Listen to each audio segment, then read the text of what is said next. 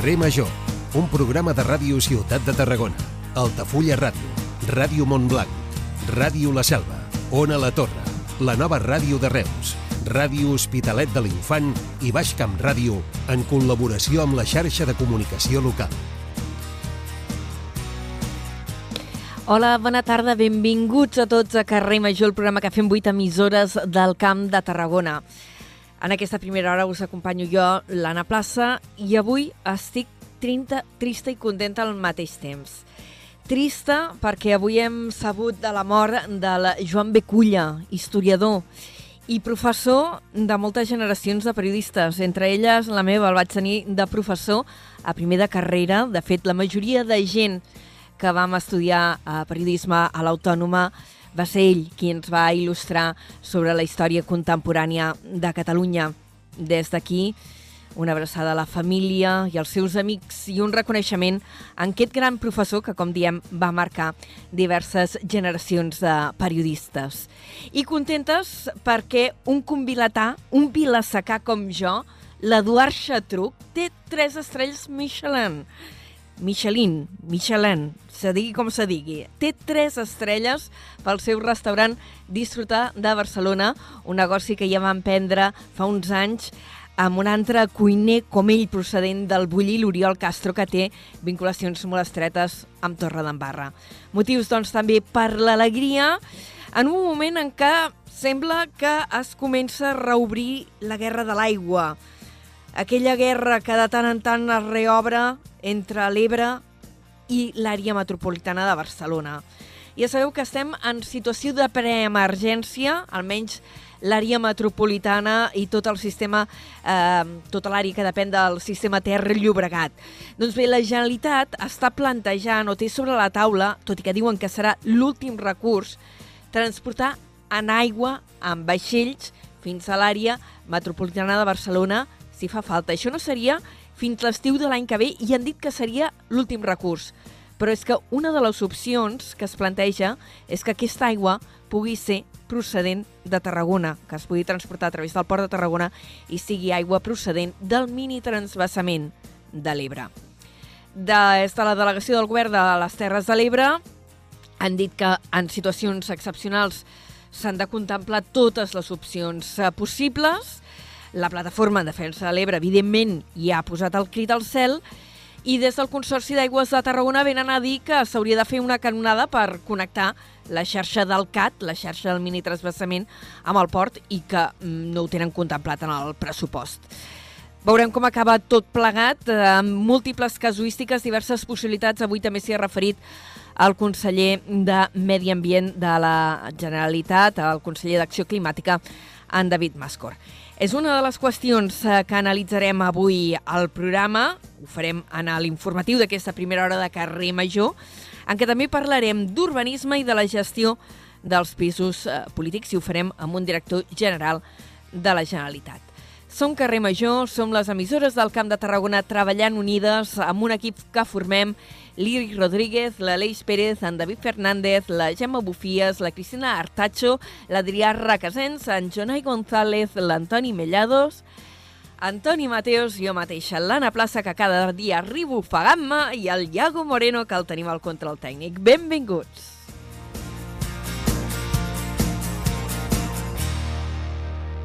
Carrer Major, Anna Plaza i Jonai González.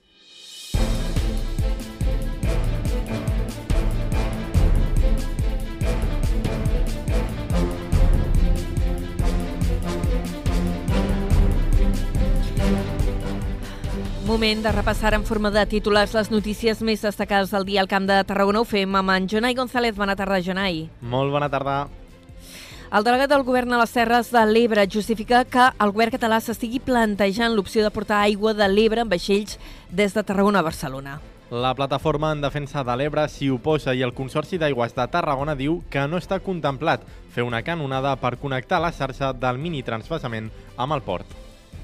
L'empresa estatal de gestió de residus nuclears, Enresa, confia que els residus de l'antiga central nuclear de Vandellós 1 tornin a França a partir del 2028. El seu president, José Luis Navarro, també preveu iniciar la tercera fase del desmantellament de la planta l'any 2030. La Diputació de Tarragona comptarà l'any vinent amb un pressupost de 208 milions d'euros, que suposa un creixement del 10%. Els comptes es preveuen aprovar en el ple previst per, a, per aquest divendres i destaca un programa d'ajuts excepcionals per a ajuntaments en cas d'urgència o fenòmens meteorològics de 4 milions d'euros. El jurat declara culpable d'homicidi per unanimitat l'acusat de matar la seva parella Cambrils. La Fiscalia, les acusacions particulars i l'acusació popular li reclamen 15 anys de presó pel crim del 30 de juliol del 2021. El veredicte es va fer públic ahir al vespre a l'Audiència Provincial on s'ha jutjat el cas.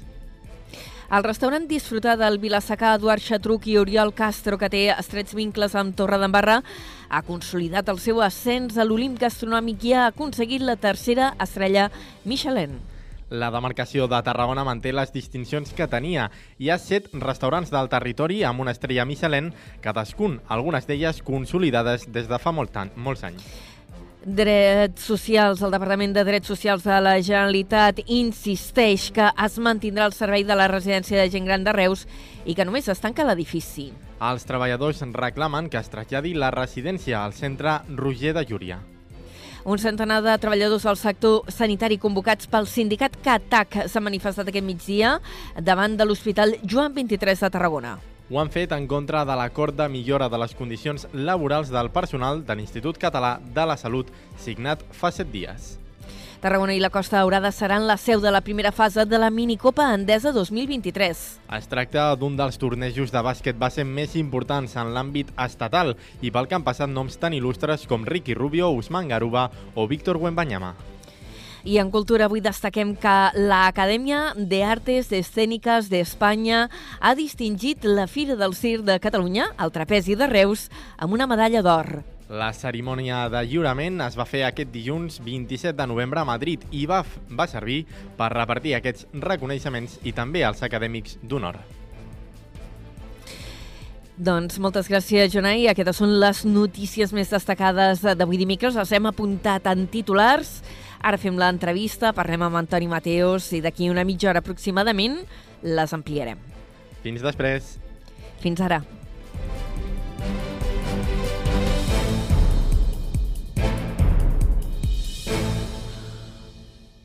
Carrer Major. Toni Mateos.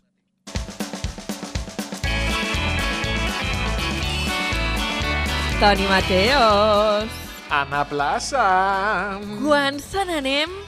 Perdó, eh? Ara ho diré molt malament. Però quan se n'anem a fotre'ns un bon halo. Una estrella Michelin. Amb una estrella, què coi? Se n'hem d'anar al disfrutar. tu tens mà, home. Tu que l'Eduard Xatruc, a veure si... Sí. Mira, amb l'Eduard poc, però amb el seu germà anàvem junts a l'escola, tot l'EGB junts. Has vist tu? Que bonic. Has, has vist tu? Que bonic, sí, sí, home. No ho sé, tu, tu que tens mà, tu que ets vilassacana, pots trucar. A veure, té, segons van dir ahir, perquè jo vaig estar atent sí. a, la, a la gala Michelin, que la feien per YouTube, Michelin, eh, Michelin, Michelin, Michelin, Michelin, és igual. Michelin. Michelin. Eh, té reserves per un any, o sigui que doncs pensa, pensa, pensa en llarg, o sigui, per al 2025. Ahir deies que Quim Espinosa s'havia d'estirar i pagar-nos el Sí. sopar de Nadal, que vagi Sí. estalviant, que reservi ja i el Nadal de l'any que ve ens n'anem a, a sopar al disfrutar a Barcelona. El disfrutar a Barcelona, tres estrelles. Home, poder...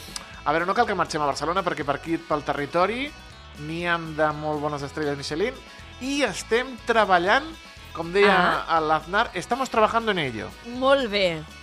Estamos trabajando en ello Estamos de trabajando, moment però ho has de dir amb una acció una mica patxuli. estamos Estamos trabajando, trabajando en ello. Estamos trabajando en ello. Mare meva. M'agrada, m'agrada. T'agrada.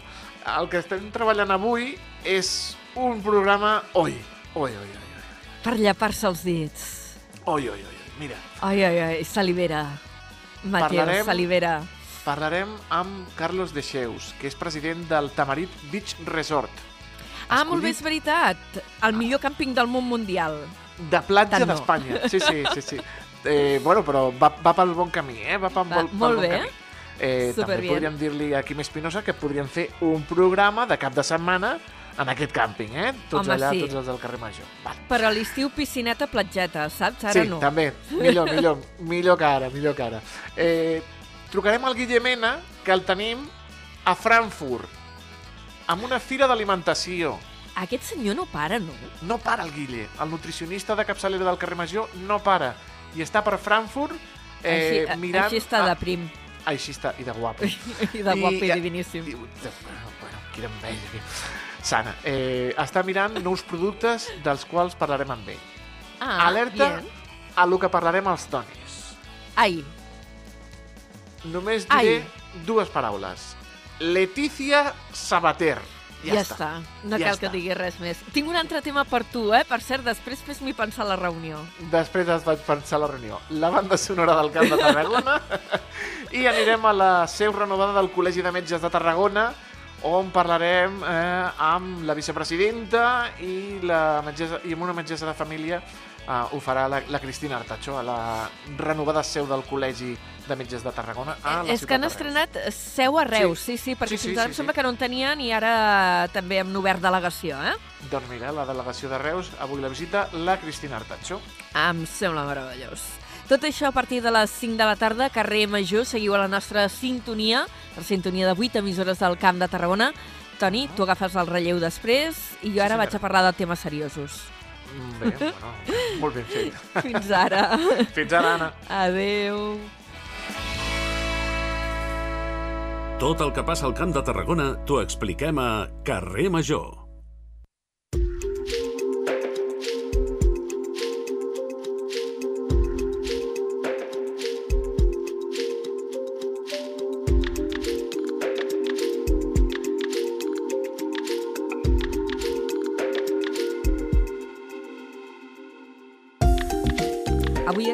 Tenim ganes eh, de parlar d'un d'aquells eh, temes eh, que ja en vam parlar dies enrere i en vam parlar amb representants del sector turístic, que és el tema de la nova ordenació, el nou decret de pisos turístics. Avui en volem parlar amb l'administració, eh, amb els responsables de la Generalitat que han tirat endavant aquesta proposta eh, legislativa i concretament amb el director general d'Ordenació del Territori, Urbanisme i Arquitectura, el senyor Agustí Serra.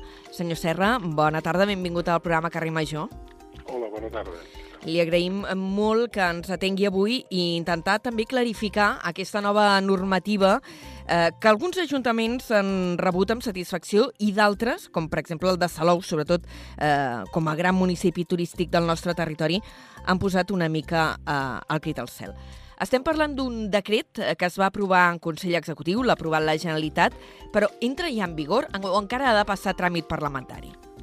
No, no, de fet, eh, va entrar en vigor l'endemà de la seva publicació al Diari Oficial de la Generalitat. Eh, per tant, eh, està totalment en vigor. Eh, tot i que com a decret llei és, eh, doncs eh, requereix la convalidació per part del Parlament de Catalunya. Però, eh, mentrestant, ja està en vigor. I aquesta convalidació quan podria arribar? Hi ha un calendari fixat i pot comportar canvis? Bé, podria, evidentment, doncs, eh, podria comportar la no convalidació. Òbviament, eh, si fos el cas de que no tingués eh, prou suport parlamentari, que esperem que no sigui així. Eh? Per tant, eh, en fi, lògicament, aquest decret ha estat, eh, eh, abans d'aprovar-lo per part del, del, del govern, doncs ha estat parlat doncs, amb alguns grups eh, del Parlament de Catalunya i en principi entenem que, que doncs, hi haurà aquest suport parlamentari per tal de poder-ho convalidar. I esperem que això pugui ser, en fi, eh, les setmanes de, del mes de desembre. Eh, ara no sé exactament quan. Eh, Recordem una mica les línies bàsiques d'aquest decret perquè estableix que en els eh, municipis que tenen més de 10 pisos turístics per cada 100 habitants hi haurà d'haver una reducció, es considera que hi ha una saturació i hi haurà d'haver una reducció. Com, quina, quina capacitat tindran els ajuntaments per fer això? Perquè tant el sector com, a, com alguns ajuntaments, és el cas de Salou, eh? i poso l'exemple potser més clar de- d'aquí al Camp de Tarragona, eh, diuen que això els crearà inseguretat jurídica i moltes possibles reclamacions. No, al contrari, al contrari. No, per començar, eh, deixem, deixem eh, fi, fer una petita correcció. Eh? Corregeixi. De fet, de fet, no, o sigui, de fet el, el, aquest decret llei abasta un total de 262 municipis. D'aquests 262 municipis, eh, 140 són eh, municipis que, on l'accés a l'habitatge de fet, actualment ja presenta problemes eh, habituals. Són, diguéssim, aquests que coneixem com zones de mercat tens. Eh? I d'aquests 140 se li sumen doncs, 134 que són aquests municipis, entre cometes, turístics, on doncs, hi ha una excessiva concentració de pisos turístics eh, que comporta una problemàtica amb la seva convivència. Eh, de fet, el llindar que s'ha agafat són aquests municipis que tenen 5 habitatges d'ús turístic eh, o més de 5 habitatges d'ús turístic per cada 100, habita 100 habitants. Eh?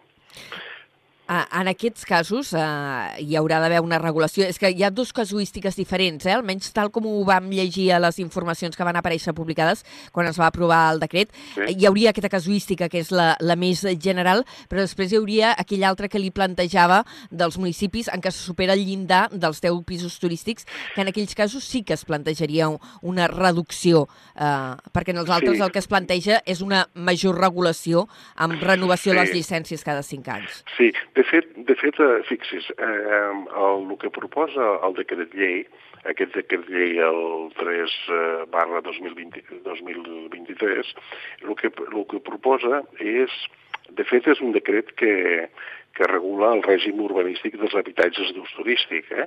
I, per tant, eh, proposa dues modificacions del decret, eh, diguéssim, de la, del text reforç de la llei d'urbanisme. I, per tant, el que proposa és que dins del règim urbanístic dels habitatges, o sigui, eh, s'incorpora la necessitat de que es tramiti una llicència urbanística per tal de poder doncs, eh, tenir, diguéssim, el títol habilitant per un habitatge d'ús turístic, eh, eh, que, que òbviament ha de tenir regulat pel planejament urbanístic. Ara, el que diu el decret és que, eh, eh, diguéssim, la proporció d'aquests habitatges d'ús turístic no pot ser superior al llindar màxim, són aquests 10 habitatges d'ús turístic per cada 100 habitants. I en el cas que se superi aquest llindar, què passa? Com ho han de gestionar els ajuntaments? No, és que eh, aviam, aquí hi ha d'haver un procés d'adequació eh, a través de fi, de, de, de, de modificar els planejaments urbanístics de cada un d'aquests 262 eh, municipis i, per tant, eh, eh, òbviament, doncs s'ha de, de fer aquesta regulació urbanística i, òbviament, doncs, no hi pot, no, el que no pot pas ser és que es donguin més llicències urbanístiques de, amb aquesta proporció d'aquests 10 eh, habit, habitatges per cada 100 habitants. Per tant, eh, òbviament, aquí sí que hi ha una qüestió que cada municipi decidirà, o sigui, l'atorgament de llicències i les seves pròrrogues, els municipis doncs, hauran de complir, hauran de donar, hauran de garantir el compliment dels principis de publicitat, objectivitat, imparcialitat, transparència i concurrència competitiva i, per tant, dins de les seves competències ur urbanístiques acabaran decidint de, qui, de quina manera doncs, atorguen aquestes llicències urbanístiques. Eh? que són llicències eh, que s'hauran de renovar cada cinc anys. Eh, L'objectiu d'aquesta renovació periòdica quin és? Tenir un major control de, del sector i garantir que tingui unes condicions adequades? Bé, i, que, és el, el fet de que aquestes llicències siguin rotatòries, o sigui, que no sempre recaiguin en els mateixos, vull dir que tothom tingui oportunitat a poder tenir doncs, a, en un moment o altre aquest tipus de llicència. I per tant, doncs, eh, com que de, de són, eh, ja és un nombre acotat de llicències, doncs que siguin unes llicències temporals que duri, tinguin una durada màxima de 5 anys i per tant, doncs, eh, cada 5 anys s'hagi d'anar, diguéssim, renovant i evidentment en funció de, de lo que acabi determinant cada un dels municipis, doncs, en fi, doncs, eh, cada municipi decidirà doncs, eh, les condicions perquè doncs, eh, puguin, es puguin eh, per, perllongar en alguns casos o es puguin rotar amb altres eh, possibilitats, amb altres, amb altres eh, habitatges, en, altres casos. Jo li trasllado ara qüestions que ens va plantejar, que l'altre dia vam tenir oportunitat de parlar amb l'Associació Departamentistes del Camp de Tarragona i les Terres de i jo li trasllado qüestions eh, que ens van plantejar ells. No? Sí. Deien, clar, si la, les llicències s'han de renovar cada cinc anys, pot ser que no te la renovin, amb quins criteris, no? Eh, es, es pot donar, deien ells, situacions d'arbitrarietat, i també derivar amb un efecte col·lateral que seria la desinversió, perquè eh, si no tens assegurat que et puguin renovar aquesta llicència, doncs potser no faràs eh, les inversions necessàries per anar actualitzant aquell pis i acabaràs tenint un parc de pisos turístics envellit. Creieu que aquesta casuística eh, es pot produir o creieu que és exagerat, això? Jo crec que és exagerat. O sigui, miri, eh, un habitatge d'ús turístic, el primer requeriment és tenir un, una cèdula, una cèdula d'habitabilitat. Per què? Perquè, de fet, és un habitatge. De fet, eh, un pis d'ús turístic és, és, és, eh, té, té, és això, és un habitatge. I, per tant, tot el que, tot el que es pugui arribar a fer doncs, compleix les condicions d'habitabilitat.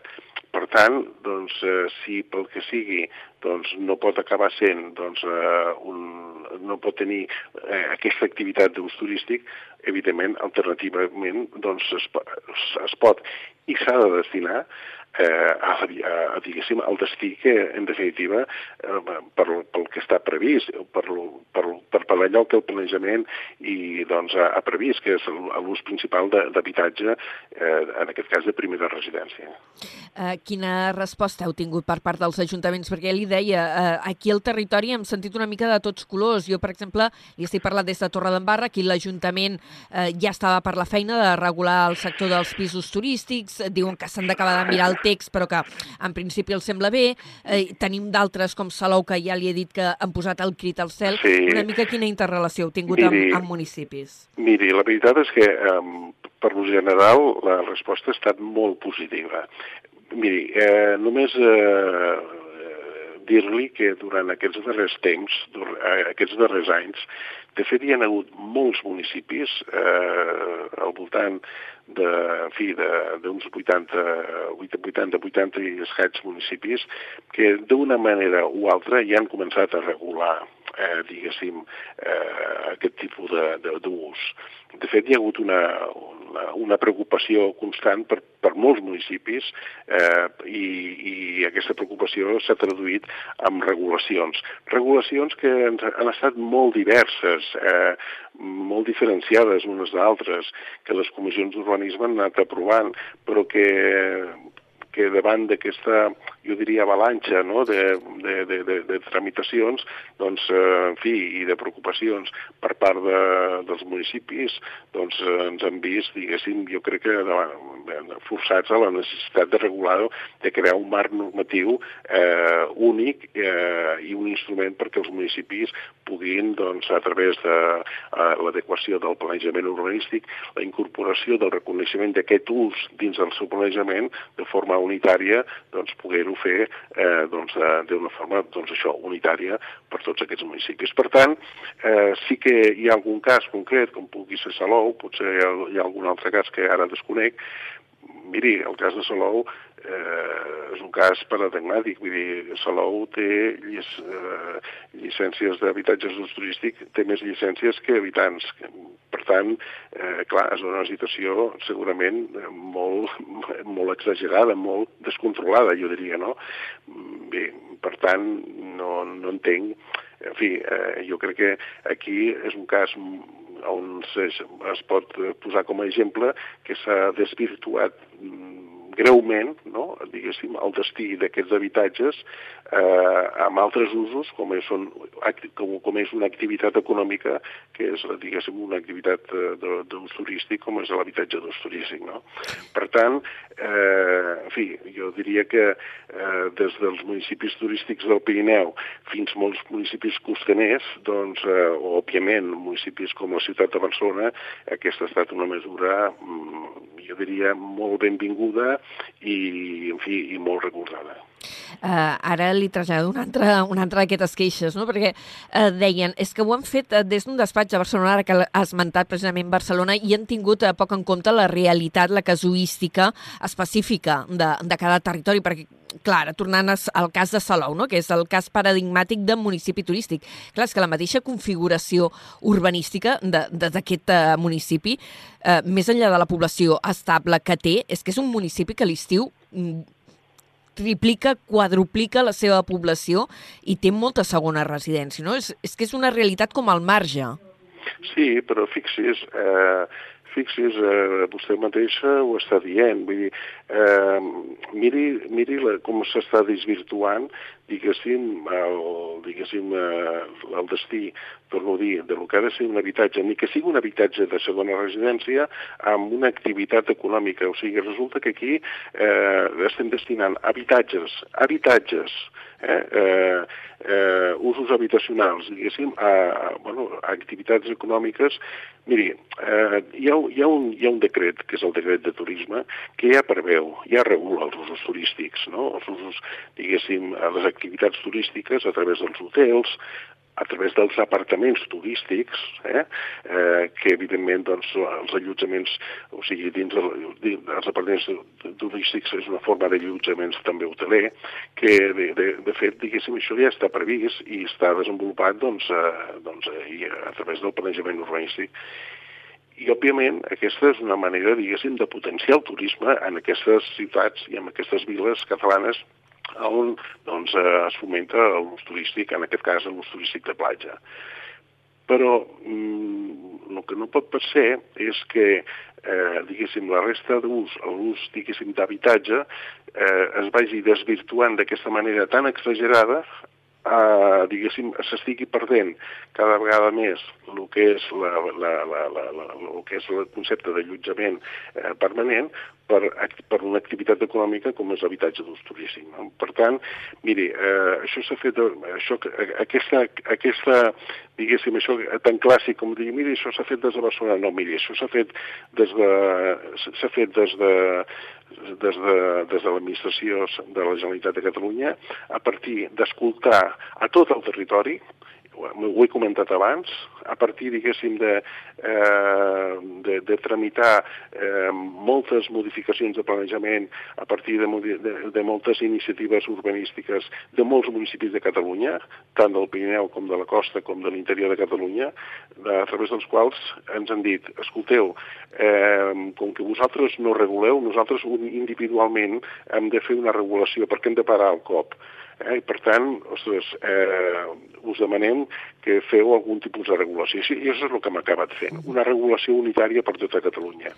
I, i, i de fet, perdona, i acabo, eh? Sí, sí, I per tant han fet una regulació, una regulació que és molt genèrica, a partir de la qual cada municipi dins de les seves competències té molt marge de maniobra per, per tal, diguéssim, d'acabar de decidir com vol el model d'aquest tipus d'habitatge d'ús turístic en, el seu, en la seva vila. Entenc que l'objectiu de fons és que eh, part de l'habitatge que ara està dedicat a ús turístic eh, pugui revertir en habitatge d'ús comú i eh, que hi hagi més disponibilitat de, de pisos de lloguer que actualment és una problemàtica bastant general, no n'hi han. Exacte. Eh, això ens passa molt sovint, no només als municipis eh, on hi ha atenció amb el mercat de l'habitatge, sinó també ens passa a molts municipis eh, d'atenció turística, o sigui, d'àmbit turístic, no? Eh, on, doncs, eh, bueno, sobretot en plena, en plena temporada d'estiu, quants municipis doncs, eh, eh, doncs costa poder donar, donar cobertura, poder donar allotjament doncs, a treballadors, eh, en fi, eh, per tal de poder doncs, donar serveis eh, i perquè, en fi, hi ha una tensió, doncs, bueno, o hi ha tensió o, o, o, o fins i tot no hi ha ni mercat d'habitatges. No, no, és que no n'hi ha, sí, sí. Eh? Jo, jo ara li parlo des de Torredembarra on, on sé que el mercat de lloguer residencial ah, és, és escassíssim. És escassíssim perquè, miri, eh, vostè té un habitatge, eh, inclús un habitatge, és que es dona situacions, jo diria, en fi, a vegades una mica eh, molt no, una mica no, molt insòlites, no? que eh, jo tinc un habitatge de segona residència, l'utilitzo no sé quants dies a l'any i a vegades doncs, eh, eh, prefereixo, doncs, en comptes, eh, com que no l'utilitzo del tot, doncs, en comptes de posar-lo al lloguer ordinari, no? al lloguer civil, no?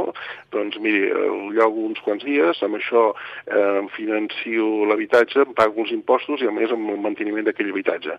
En fi, i per tant no, no, no, no produeixo, diguéssim, eh, habitatge en el mercat de lloguer eh, ordinari, no? el mercat, mm, diguéssim, el mercat civil, lliure. No? lliure. No? Per tant, bé, això, això, aquesta mesura entenem que ajudarà eh, podrà ajudar, diguéssim, a, a poder doncs, a, a satisfer aquesta necessitat.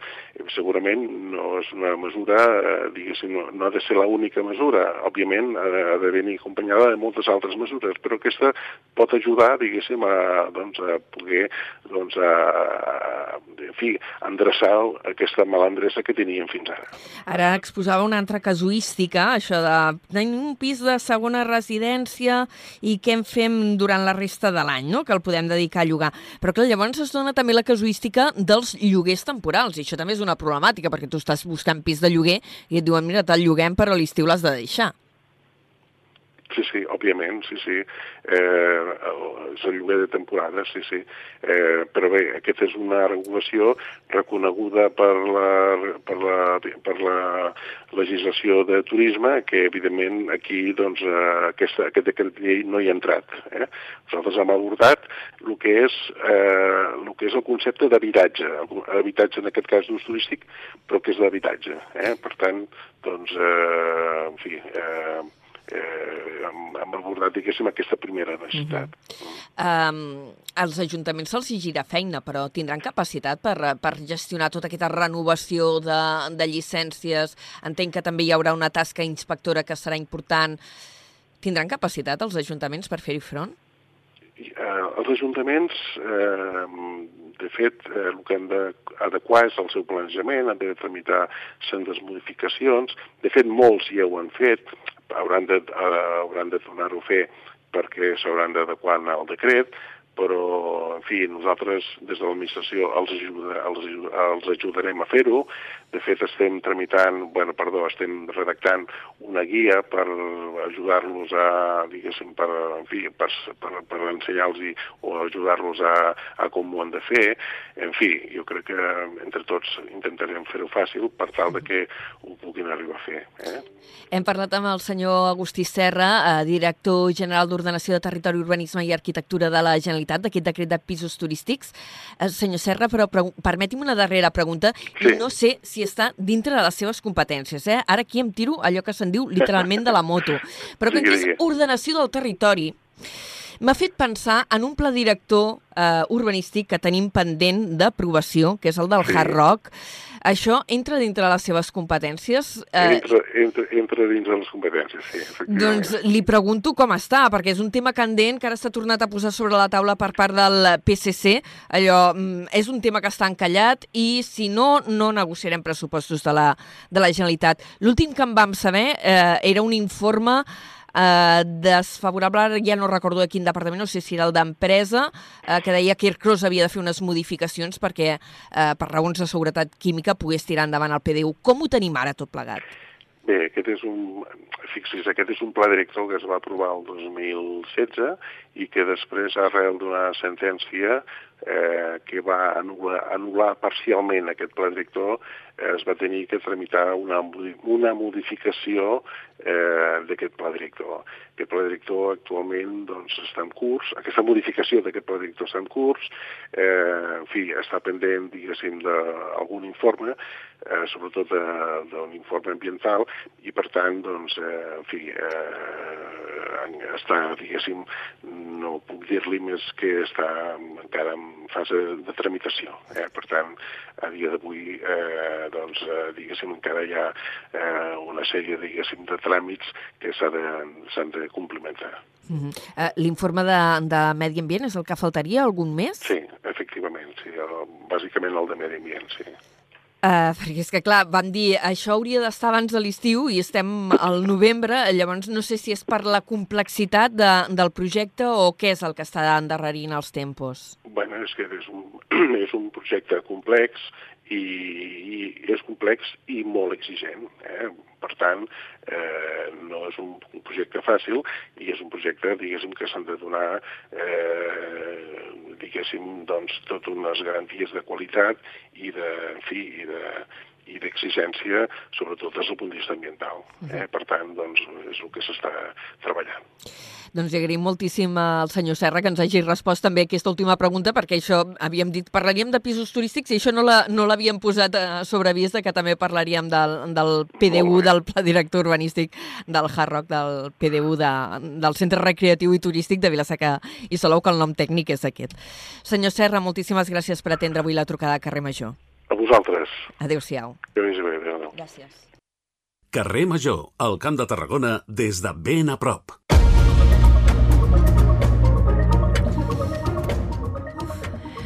Fets uh, entrevista densa, però informativament molt interessant, amb el director general d'Urbanisme uh, de la Generalitat de Catalunya, que ha atès la trucada de Carrer Major.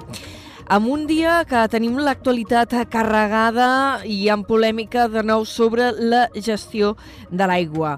4 i 38 minuts, ens endinsem en aquesta actualitat, ho fem amb en Jonai González, bona tarda de nou. Molt bona tarda de nou. El conseller d'Acció Climàtica, David Mascor, ha insistit que l'arribada de vaixells carregats d'aigua per abastir la ciutat de Barcelona i la seva àrea metropolitana només es contempla com a últim recurs i que no s'espera per abans del pròxim estiu. Mascort s'ha mostrat convençut que les restriccions imposades per la preemergència permetran allargar l'entrada en emergència al sistema Ter Llobregat. Preguntat per si es farà arribar aigua a Barcelona des del port de Tarragona, Mascort ha indicat que és una possibilitat, però que ara com ara no s'ha donat cap ordre. Hem de fer les obres necessàries al port per poder adequar el sistema per eh, que entri l'aigua i aquestes obres ja s'han començat i estan en marxa són aproximadament entre 4 i 5 milions d'euros. Si és necessari portar els vaixells, eh, abans de l'estiu arribaran els vaixells. Ara com ara, els embassaments de les conques internes es troben ja en un 17,8%, un mínim històric. Segons preveu el Pla Especial de Sequera del Govern, l'entrada en fase d'emergència es produirà quan aquests baixin fins al 16%. I des del territori el delegat del govern a les Terres de l'Ebre justifica que el govern plantegi aquesta opció de portar aigua de l'Ebre com a últim recurs amb vaixells des de Tarragona a Barcelona. La plataforma en defensa de l'Ebre, per la seva banda, s'hi oposa i el Consorci d'Aigües de Tarragona diu que no està contemplat fer una canonada per connectar la xarxa del minitransbassament amb el port. El delegat del govern a l'Ebre, Albert Salvador, justifica que el govern tingui sobre la taula aquesta opció perquè cal preveure totes les mesures si s'agreuja aquesta sequera. Ara bé, Salvador recorda que el recurs sortiria de l'excedent del minitransbassament del Consorci d'Aigües de Tarragona i que el territori no és amo d'aquesta aigua des de fa 30 anys. I, lògicament, és responsabilitat del govern estudiar eh, moltíssimes mesures per fer front als escenaris que, que avui eh, som capaços de preveure. Tenim eh, embassaments al 18%, però és cert que s'han fet moltíssimes mesures estos mesos passats, eh, estos anys últims, en els quals hi ha pràcticament la meitat de l'aigua que consumeix l'àrea metropolitana de Barcelona ja no ve dels embassaments. D'altra banda, la plataforma en defensa de l'Ebre adverteix que els excedents que, que vendria el Consorci d'Aigües de Tarragona s'haurien de treure del tram final del riu on falta aigua i sediments. Susana Abella és la portaveu. El tram final de l'Ebre estem en un dèficit d'aigua des de fa, i de sediments des de fa molt de temps. Per tant, eh, l'aigua de l'Ebre no pot ser el, el, el, el que resolgui sempre els problemes de l'entorn metropolità de Barcelona eh, respecte al, a la quantitat d'aigua que necessita. Per la seva banda, el president del Consorci d'Aigües de Tarragona, Joan Alginet, ha recordat que la xarxa del Consorci no té les infraestructures habilitades i preparades per fer arribar aigua al port de Tarragona. Evidentment estem parlant d'una inversió important, perquè portar l'aigua eh, del ramal principal fins al port de Tarragona tindria un cost addicional que no tenim previst ni contemplat als nostres pressupostos ni al nostre pla d'inversions. Per tant, algú altre se n'hauria de fer càrrec. El Consorci d'Aigües de Tarragona fa 40 anys que té una concessió d'aigua de l'Ebre de 4 metres cúbics per segon. El consum mitjà anual dels seus consorciats és de 2,4 metres cúbics, però hi ha un pic de consum a la temporada alta turística. L'empresa estatal de gestió de residus nuclears, Enresa, confia que els residus de l'antiga central nuclear de Vandellós 1 tornaran de França a partir de 2028. Ho faran després, quan hagi acabat la construcció d'un nou magatzem per guardar els quatre contenidors de combustible existents que venen d'aquesta antiga nuclear. El president d'Enresa, José Luis Navarro, ho ha anunciat durant la inauguració d'una exposició d'objectes de protecció radiològica a Vandellós 1.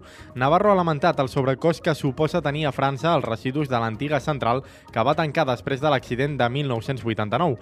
Confia que aquests podran tornar d'aquí a 5 anys un cop s'hagi construït un magatzem per deixar-los. Se n'està buscant l'emplaçament.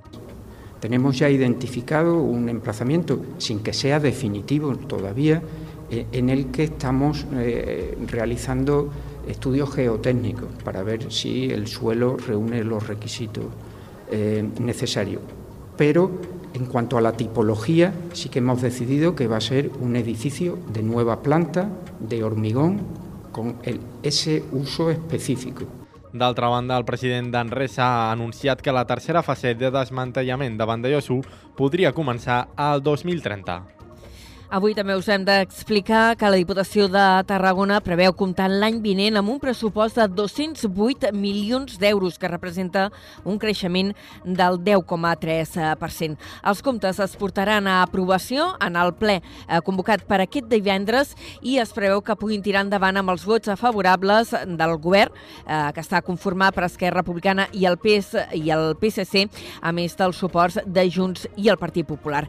Entre les partides han d'estar destaca una d'ajuts excepcionals per als ajuntaments en cas d'urgència per fenòmens meteorològics adversos que arriba als 4 milions d'euros. També s'incrementa fins a 100.000 euros l'assistència en infraestructures viàries i de comunicació en cas de fenòmens meteorològics extrems per donar una resposta ràpida, àgil i segura a aquelles necessitats peremptòries dels ajuntaments en casos d'aiguats o grans nevades. El pressupost busca continuar donant resposta als reptes socials, econòmics i mediambientals dels municipis i de la demarcació. Aquests comptes que s'aprovaran en el ple d'aquest divendres són fruit d'un ampli acord entre la majoria dels grups de la institució institució supramunicipal. Els pressupostos de la Diputació per a 2024 ja indiquen una tendència iniciada en el present mandat i que ha de marcar el rumb dels propers anys a la institució enfocat a assolir un impacte positiu i multiplicador arreu de les 10 comarques de la regió. Alhora també referma el suport amb la Universitat Rovira i Virgili i a través del conveni marc es vehicula el suport econòmic a aquells projectes de recerca i d'investigació. La presidenta de la Diputació, Noemí Llaurador, ha afirmat que són uns pressupostos valents i que s'adapten als temps actuals i futurs.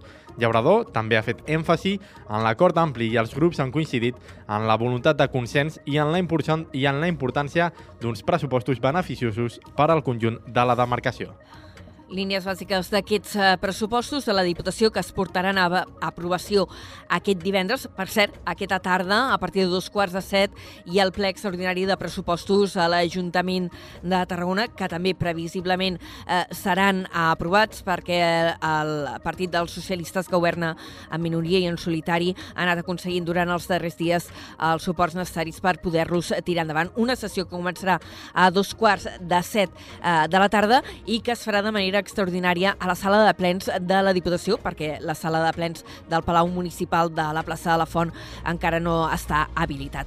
I mentrestant continuen les passes, les negociacions per anar vestint també els pressupostos de la Generalitat. Eh, ja en parlàvem ahir perquè el territori, concretament el projecte del Hard Rock, torna a ser peça central. La CUP ha avisat, com ja va fer l'any passat, que els pressupostos no podran incloure macroprojectes com aquest, com el del complex del Hard Rock o l'ampliació de l'aeroport del Prat. La portaveu de la CUP, la tarragonina Laia Estrada, ha manifestat que aquesta mena de projectes són inassumibles en l'actual context d'emergència climàtica. En cap de les equacions hi pot entrar els macroprojectes, la tònica dels macroprojectes com són el Hard Rock, els Jocs Olímpics d'hivern, eh, l'ampliació de ports o aeroports, la Ryder Cup, eh, estan totalment en contradicció amb la lluita contra la crisi ambiental, eh, no poden tenir cabuda quan veiem que la situació de sequera excepcional en la que ens trobem és molt probable que deixi de ser precisament excepcional. Divendres passat, membres del govern i de la CUP van reunir-se per primera vegada per abordar els comptes de l'any vinent. Estrada ha lamentat que va ser una proposta d'anunciats poc concreta.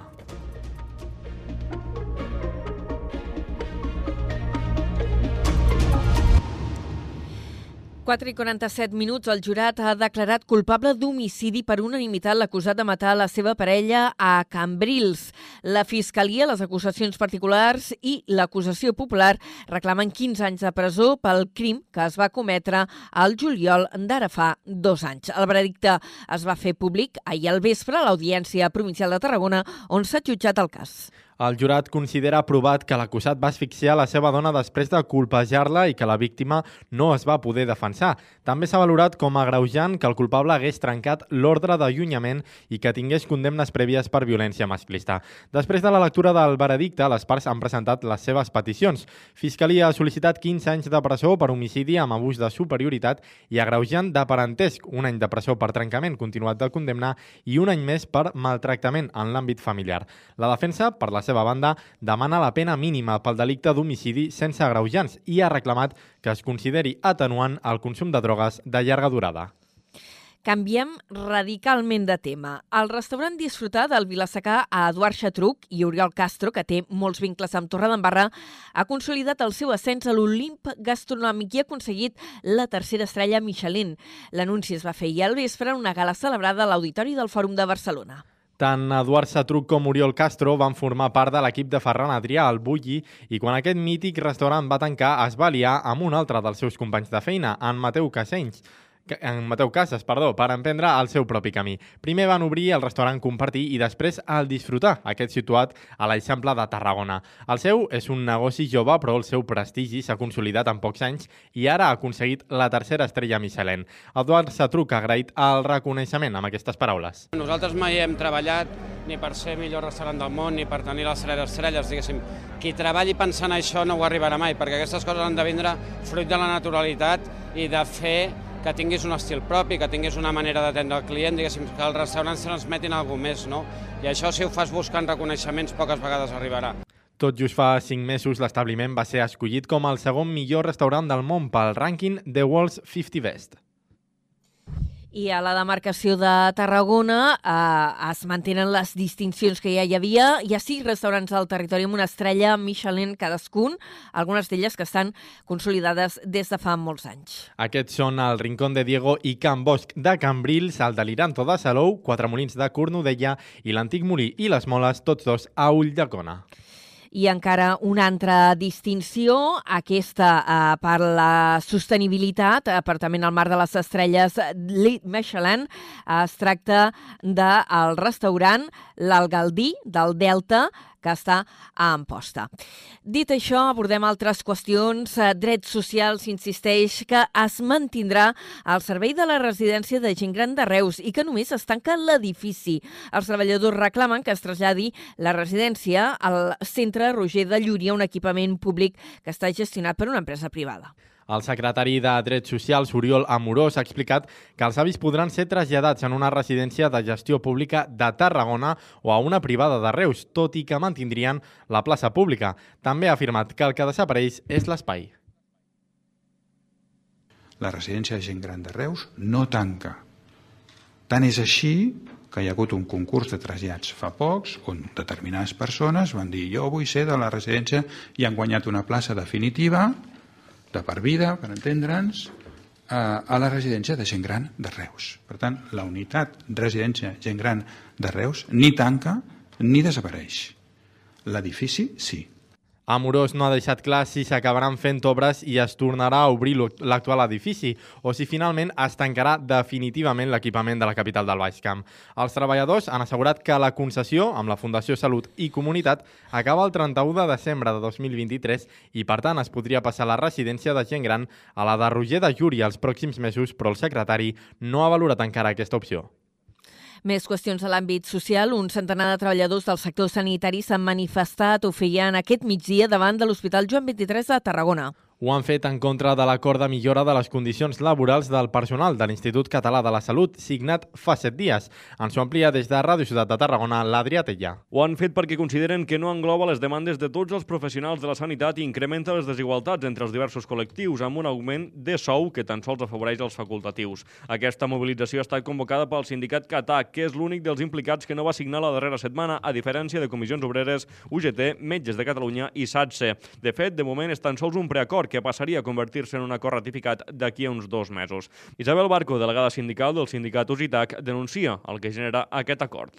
És un pacte que ha indignat a la majoria de col·lectius i categories que treballem a l'ICS perquè és un pacte ignominiós, és un pacte vergonyós, és un pacte ridícul, inclús insultant la pujada de sou que han fet i el que no pot ser és tractar a la meitat o la majoria de treballadors que fossin diferents de la resta. Tots som importants. Amb aquestes protestes, el sindicat espera que aquells que han signat el document es replantegin que potser han signat en contra de l'opinió de la majoria dels professionals. Aquesta tarda a les 4 repetiran la mobilització al mateix punt i tenen la intenció de convocar una manifestació amb altres sindicats d'aquí a un parell de setmanes per arribar fins a la conselleria. També hi ha hagut mobilització del sector educatiu, concretament la Junta de Personal Docent No Universitària eh, s'ha concentrat per reclamar millores en les condicions del professorat. L'acte ha comptat amb representació dels quatre sindicats. Des de Ràdio Ciutat de Tarragona ens ho explica l'Adrià Duc. El president de la Junta de Personal Docent, Alexis Auderset, ha denunciat la situació actual. Bé, el personal docent actualment està, com bé denunciem, en una situació molt precaritzada. Tenim un sistema educatiu que està infrafinançat. Eh, tots sabem perfectament que la llei d'educació de Catalunya preveu un 6% d'inversió i actualment ni tan sols arribem al 3%. I això provoca pues, una situació de ràtios molt elevades, canvis normatius sobtats, quan realment el problema no és aquest. El problema és que hi ha una falta total de condicions de treball i d'inversió en el sistema educatiu públic. Des de la Junta també s'ha reivindicat la no continuïtat per part de la nova conselleria de les propostes i mesures pactades amb el conseller Cambrai, fet que ha provocat una reversió i la pausa en la negociació respecte a les retallades. Altres de les reivindicacions per part del personal docent, que no descarten futures mobilitzacions en senyal de protesta, han estat que la mesa electoral prevista pel dia 20 de desembre sobre les retallades l'han haguda de demanar els propis sindicats per intentar reprendre aquesta negociació i anem directament als esports.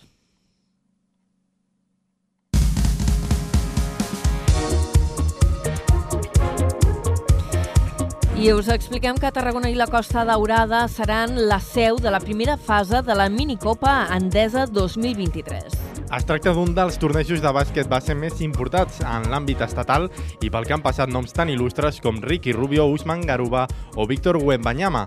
L'Adrià Duc ens fa la prèvia des de Ràdio Ciutat de Tarragona. La Minicopa Endesa 2023 arriba a Tarragona en una edició on entre el 6 i el 8 de desembre els equips infantils de diversos equips ACB jugaran fins a un total de 26 partits, distribuïts entre el Palau d'Esports de Catalunya i el Poliesportiu Camp Clar. L'exjugador i president de l'Associació de Clubs de Bàsquet, Antonio Martín, ha parlat sobre sobre la dimensió de l'esdeveniment. La minicopa, lo comentábamos antes, empezaba siendo casi un campeonato, un encuentro de chicos paralelo a una Copa del Rey y hoy es por sí solo un encuentro mm, del baloncesto que va más allá. Per la seva banda, el conseller d'Esports Berní Álvarez ha explicat el que implica el torneig per a la ciutat de Tarragona. Creo que nos puede marcar un inicio de, también de, de, de situarnos un poco en el mapa de, de que somos una ciudad capaz de, de, y un territorio capaz de acoger eh, bueno, los eventos deportivos de, de un nivel alto. No? El torneig, que va molt més enllà de ser un esdeveniment esportiu, també inclourà la campanya Actuem contra el bullying, xerrades formatives per part de psicòlegs, entrenaments dels jugadors amb nens i nenes de Tarragona amb diverses diversitat funcional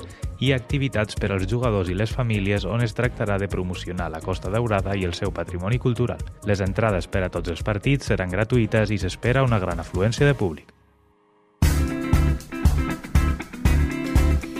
I acabarem amb un apunt de cultura. L'Acadèmia de Artes Escèniques d'Espanya ha distingit la Fira de Cir de Catalunya, el trapezi de Reus, amb la medalla d'or. La cerimònia de lliurament es va fer dilluns a Madrid i va assistir l'alcaldessa de Reus, Sandra Guaita, i també les codirectores del trapezi.